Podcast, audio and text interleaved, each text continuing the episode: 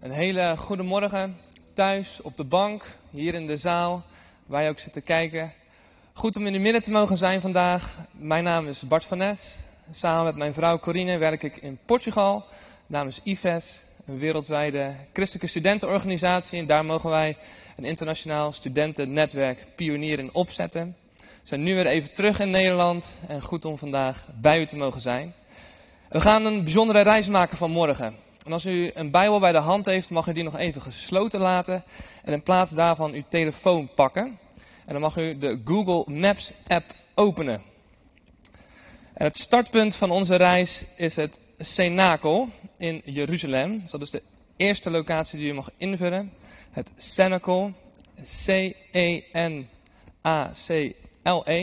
Als je de Nederlandse spelling volgt, dan krijg je een locatie in Tilburg, hoorde ik net. Dus het Cenacle, C-E-N-A-C-E-L. Hij komt hier op het scherm naast mij. En de bestemming is Gethsemane, allebei in Jeruzalem. En als je dan op looproute drukt, en als je dat dan goed hebt gedaan, dan zie je dat dat ongeveer 22 minuten lopen is. En die route vanaf het Cenacle, de bovenkamer, waar volgens de traditie het laatste avondmaal werd gevierd door Jezus en zijn discipelen, die weg van de bovenkamer naar Gethsemane, die legde Jezus 2000 jaar geleden met zijn discipelen af. En dat is ook de weg die wij vanmorgen gaan afleggen met elkaar. En in die minuten gebeurt een heleboel. Jezus vertelt heel veel aan zijn discipelen. Over de Heilige Geest die zou komen, over het belang dat ze in Hem moesten blijven, dat ze kracht zouden ontvangen om getuige te zijn van Hem. Er wordt heel veel verteld en wanneer er niks meer te vertellen is, is er nog maar één ding te doen en dat is bidden. En dat is precies ook wat Jezus doet met zijn discipelen. Hij bidt uiteindelijk voor hen. In Johannes hoofdstuk 17, dat noemen we het hoge priestelijk gebed. Het grote gebed van Jezus. En deze route gaan we volgen met elkaar vanmorgen. En deze hoofdstukken zijn heel erg belangrijk en ze zijn heel erg bijzonder. Ze zijn belangrijk omdat Johannes de enige evangelist is die deze hoofdstuk heeft opgeschreven. En ze zijn ook bijzonder vanwege de timing van deze woorden. Als je het Johannes-evangelie leest, als je het leven van Jezus leest en bestudeert, dan kom je daar gauw achter dat Jezus een unieke man is met een unieke missie. En die unieke missie heeft ook een unieke timing. Want als je Johannes doorleest, dan zie je af en toe van die zinnetjes voorbij komen, ofwel door Jezus zelf, of door Johannes als schrijver die zegt, zijn uur was nog niet gekomen. In Johannes hoofdstuk 2 is Jezus op de gast als, uh, op een bruiloft in Cana. Dan is de wijn op en dan zegt zijn moeder, doe er iets aan. En dan zegt Jezus tegen haar, mijn uur is nog niet gekomen. En vervolgens in Johannes hoofdstuk 7 en dan probeert een hele meute Jezus gevangen te nemen, maar dat lukt dan op een of andere manier niet, want, zegt Johannes dan erachteraan, zijn uur was nog niet gekomen. In hoofdstuk 8 in de tempel hetzelfde verhaal, opnieuw staat er, zijn uur was nog niet gekomen. Maar dan in Johannes hoofdstuk 13, dan staat er dat Jezus zijn ogen ophief en wist, zijn uur, mijn uur is gekomen. Johannes hoofdstuk 13, vers 1. Voor het feest van het paascha, toen Jezus wist dat zijn uur gekomen was. Jezus die weet, nu gaat het gebeuren. Hiervoor ben ik in de wereld gekomen. Ik ga zo meteen lijden en sterven aan het kruis. Ik ga mijn leven geven voor deze discipelen en voor al die miljoenen mensen die nog na hen zullen komen. Dus dit zijn de laatste woorden van Jezus. En laatste woorden hebben altijd een bepaald gewicht, een bijzondere lading. Laatste woorden kies je heel zorgvuldig, heel wel overwogen. En die laatste woorden gaan we lezen met elkaar. Als je een Bijbel bij de hand hebt, nu wel, Johannes hoofdstuk 14 vanaf vers 1. Daar gaan we vanmorgen lezen. Johannes hoofdstuk 14 vanaf vers 1. Wees niet ongerust, maar vertrouw op God en op mij. In het huis van mijn vader zijn veel kamers. Zou ik het anders gezegd hebben, dat ik een plaats voor jullie gereed zal maken?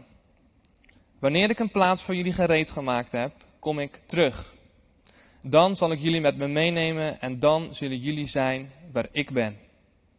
Jullie kennen de weg naar waar ik heen ga. En toen zei Thomas: Wij weten niet eens waar u naartoe gaat. Heer, hoe zouden we dan de weg daar naartoe kunnen weten?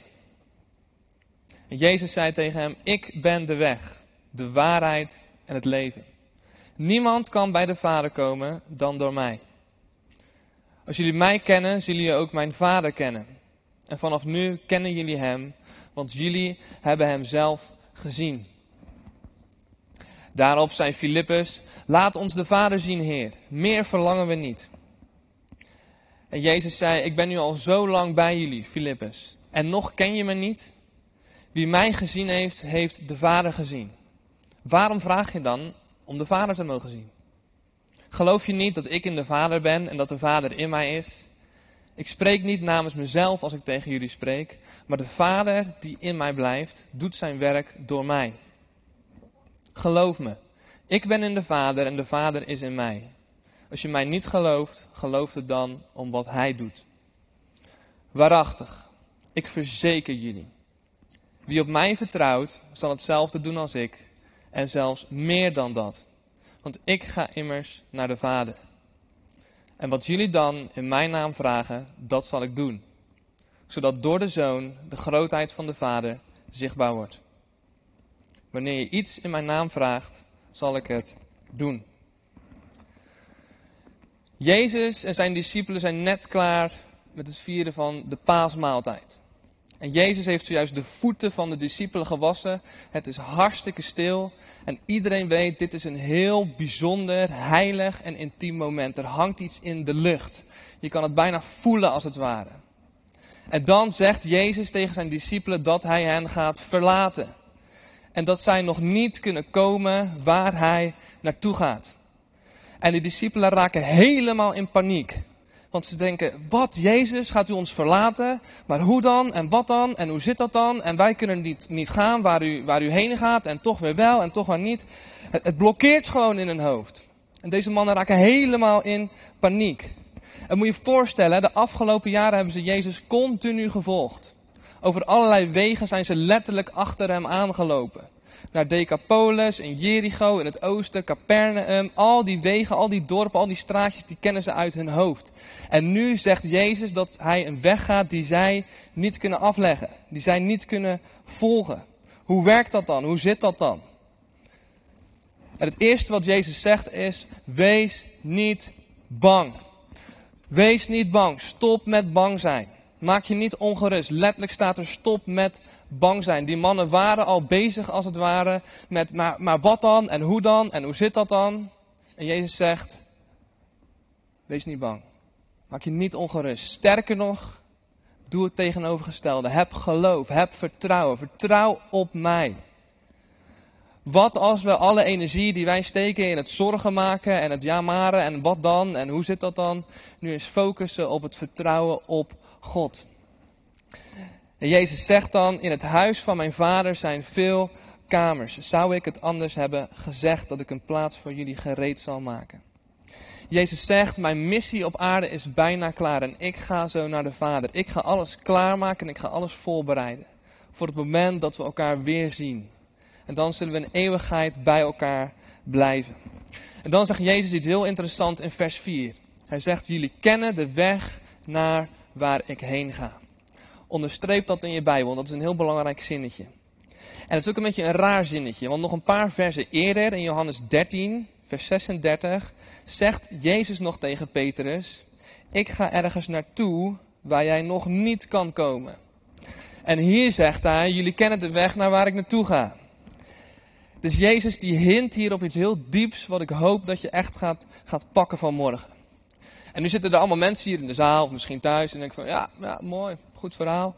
En eigenlijk denk je, geen idee waar dit over gaat. Dat, heb je, ken je misschien wel, hè? Dat je dan een gesprek hebt met iemand en die houdt een heel verhaal op en jij zit dan van, uh, ja, ja, mooi. En dat je denkt, geen idee.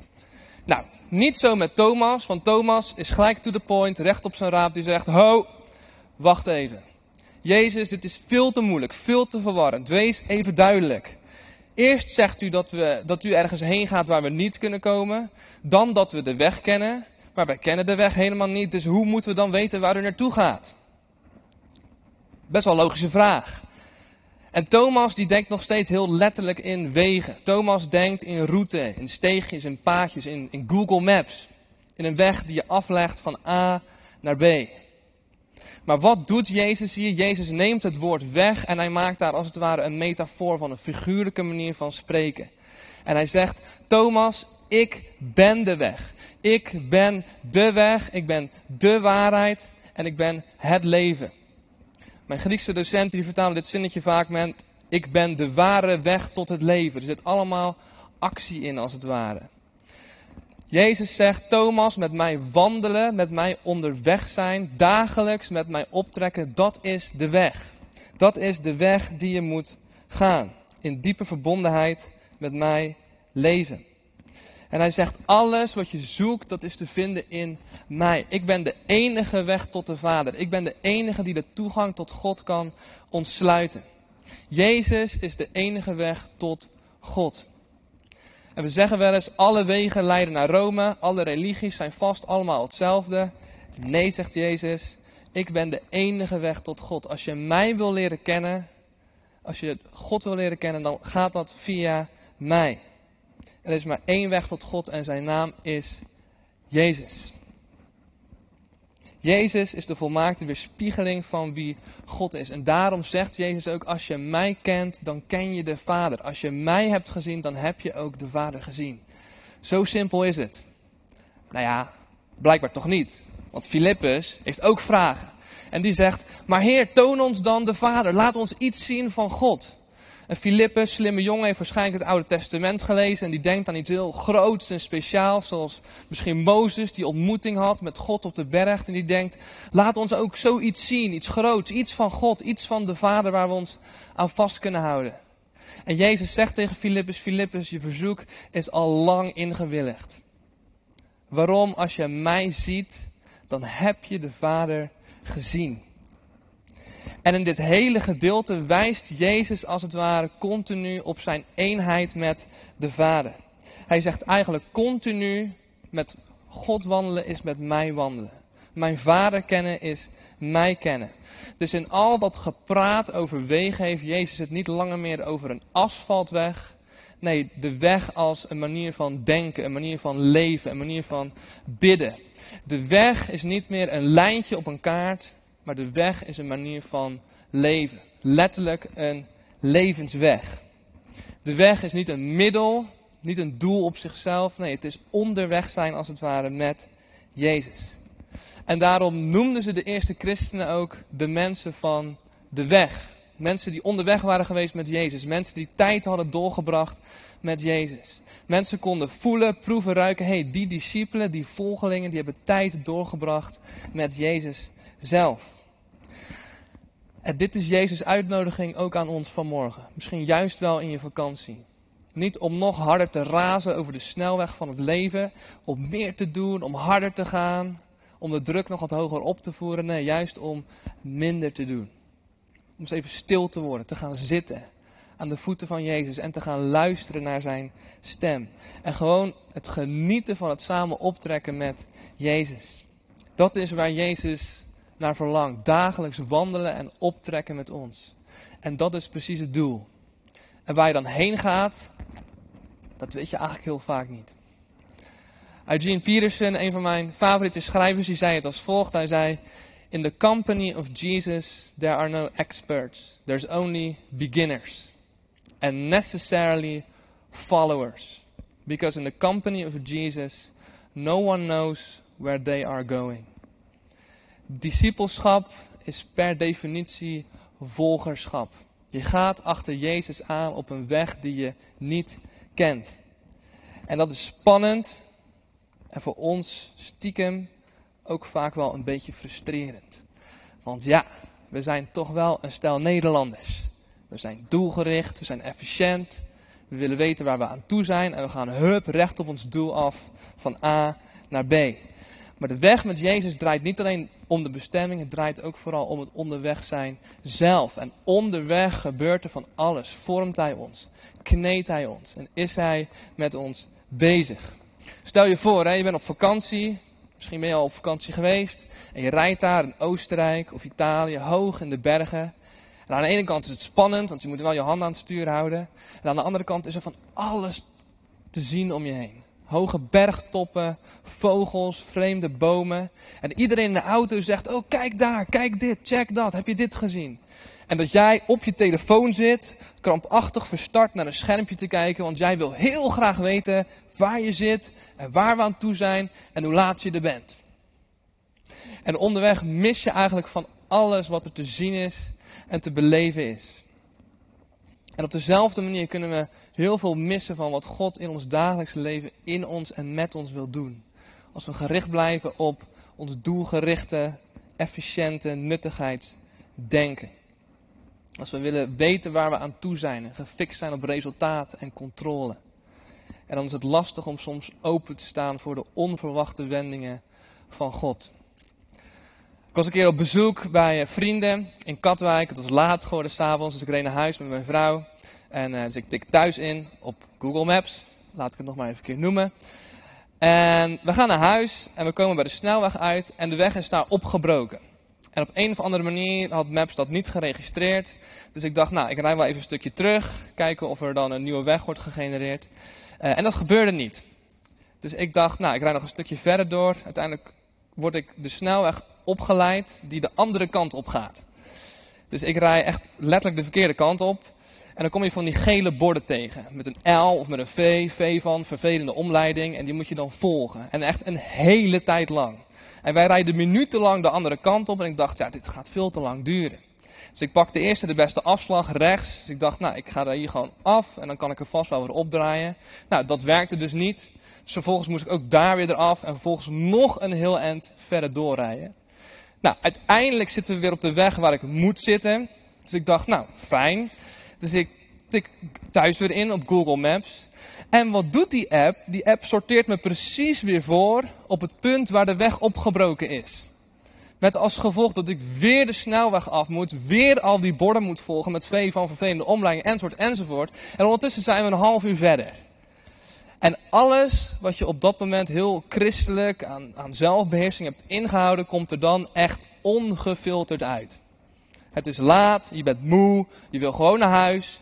Dus ik zit daar een partij te ventileren in die auto. En mijn vrouw die zit naast me en denkt, oh, nou, daar ben ik dus ook mee getrouwd. En toen hoor ik een heel zacht stemmetje in mijn hoofd.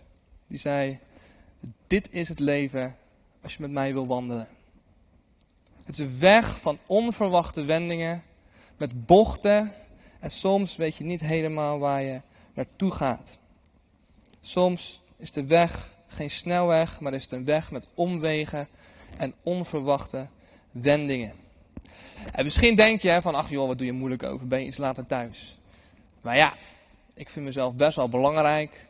Ik wil graag nuttig zijn. Ik heb haast. Dus ik moet wel zo snel mogelijk op bestemming zijn. En omwegen, ja, dat vind ik eigenlijk maar een beetje zonde van mijn tijd. En Jezus, die is niet zo onder de indruk van onze prestatiedrang, voor ons nuttigheidsdenken, voor onze gehaaste magnetron samenleving. Jezus is veel meer geïnteresseerd in het wandelen met ons, in het onderweg zijn met Hem. Met van die momenten dat je soms de bocht omgaat en dat je niet kan zien wat daarachter ligt. En dat is soms behoorlijk spannend. En toch zijn dat precies de plekken waar Jezus ons wil hebben. Waarom? Omdat dat de plekken zijn waar we wel moeten vertrouwen op Hem. Waar we wel een afhankelijkheid van Hem ons moeten opstellen. Want anders hebben we gewoon geen idee hoe het af gaat lopen. En terwijl we onderweg zijn, vormt Hij ons, kneedt Hij ons. En gaat Hij het avontuur met ons aan. Dus je bent gezegend vandaag. Als je omstandigheden, je wegen zo zijn dat je niet weet waar je heen gaat. Dat je God nodig hebt voor de paden die je gaat, de wegen die je kiest. En aan de andere kant is het een tragedie. Als je leven zo is, als je omstandigheden zo zijn, dat je denkt dat je het allemaal hebt kunnen uitstippelen, dat je denkt dat je alles onder controle hebt, dat heel je leven maakbaar is en dat je er aan het eind van de rit achter moet komen dat je eigenlijk helemaal niets onder controle had. En Jezus nodigt ons uit om die worsteling aan te gaan. Die weg van het onbekende en de weg van het avontuur. En met die opwinding en met het avontuur komt ook de worsteling. Want het kan ook een worsteling zijn om Jezus' stem te horen. Het kan een worsteling zijn. En soms moet je, zegt de handelingen, al tastend je weggaan in het duister. Zo kan het soms ook voelen om met Jezus te wandelen. Ik denk dat we bijna allemaal wel kunnen zeggen dat we afgelopen maanden op wegen zijn geweest die we ons nooit hadden kunnen voorstellen. En misschien heb je heel veel vragen, misschien heb je worstelingen. Misschien lijk je wel een beetje op die discipelen die in eerste instantie helemaal overstuur raken van alles wat er voorbij komt. En dit is, dit is de spanning van de weg met Jezus. Want aan de ene kant zegt hij, jullie kennen de weg waar je heen gaat. En aan de andere kant weet je de weg ook niet. Dus weten we nou de weg of niet? Het antwoord is ja. Super verwarrende preek dit. Maar dat is het mysterie.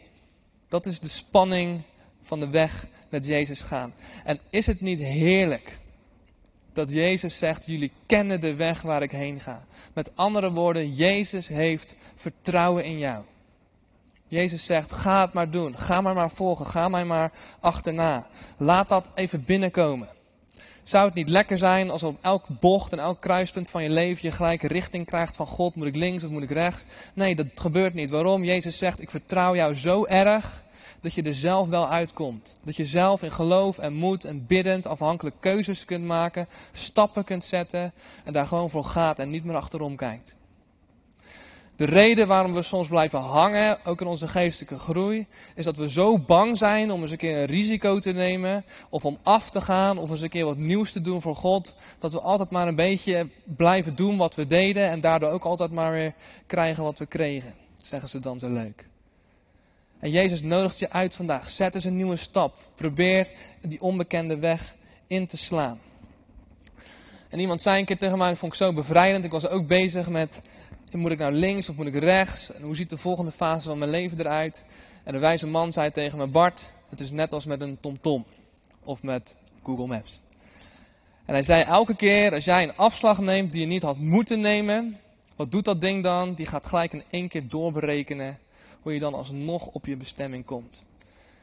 En hij zei, zo is het met God ook. Soms kan je misschien een afslag missen in je leven, maar uiteindelijk komt God er wel uit. Ja, God heeft een uniek plan en een doel met ons leven. Dat zeggen we ook vaak tegen elkaar.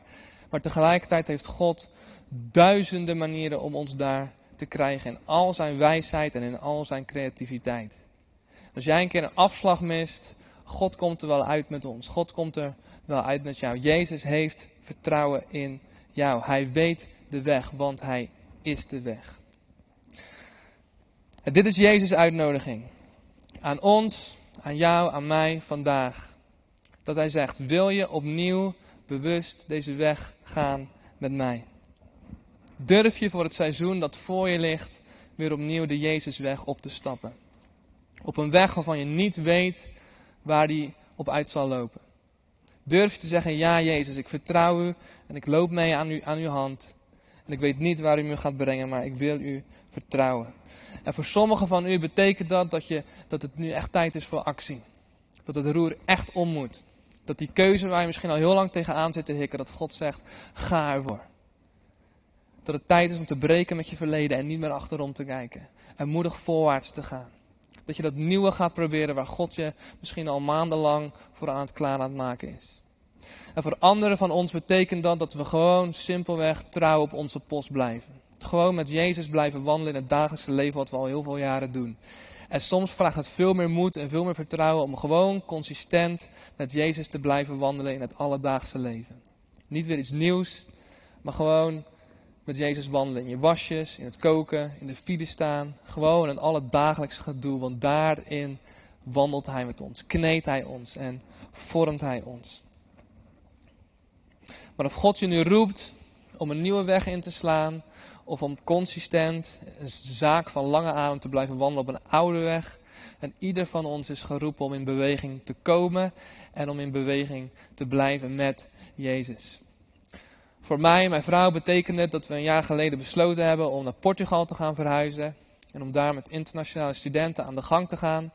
We werkten al een tijd voor IFES in Nederland, maar dit was weer compleet nieuw terrein. En af en toe lag ik s'avonds in mijn bed naar het plafond te kijken en dacht ik, oh jongens, waar beginnen we aan? En ik vond het echt hartstikke spannend. En nu is het coronatijd en we hebben geen idee of we nog terug kunnen en of we ons werk voort kunnen zetten. En toch zeggen we al tegen elkaar, hoe het ook verder gaat, het is nu al meer, meer dan de moeite waard. Waarom? Ik verlang ernaar. Ik verlang er intens naar om op die plek te zijn van afhankelijkheid van Jezus. Dat ik niet meer kan leunen op mijn trucjes, op mijn theologie of mijn welbespraaktheid. Maar dat ik echt moet zeggen, Jezus, hier ben ik, hier is het. U moet het doen, want anders zak ik door het ijs.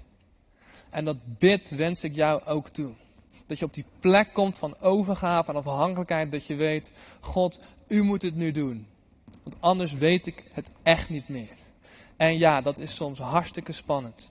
Maar wat zegt Jezus dan als je die weg gaat met mij en die gaan we mee afsluiten? Jezus zegt, wie op mij vertrouwt, vertrouwen. De Jezusweg is een weg van vertrouwen, van relatie, van verbondenheid. Dat je weet, hé, hey, ik, kan, ik kan me blijven vastklampen en vasthouden aan die Jezus. Wie, wie op mij vertrouwt, wie de weg met mij gaat, die zal, wat zegt Jezus dan? Hetzelfde doen als ik en zelfs meer dan dat. Ik denk dat niemand van ons enig idee heeft wat dit echt ten diepste betekent. Kun je nog een hele andere preek aanwijden, gaan we niet meer doen vanmorgen. Maar dat is Jezus' belofte aan ons. Dat we dezelfde dingen gaan doen als Hem. Kan je dat geloven? Het is waar. Het is mogelijk. En Jezus zegt, het zal realiteit worden. Als we op Hem vertrouwen en met Hem de weg gaan. Ja, het is spannend, maar zegt Hij, elke stap, elke dag, heel de weg ben ik bij je.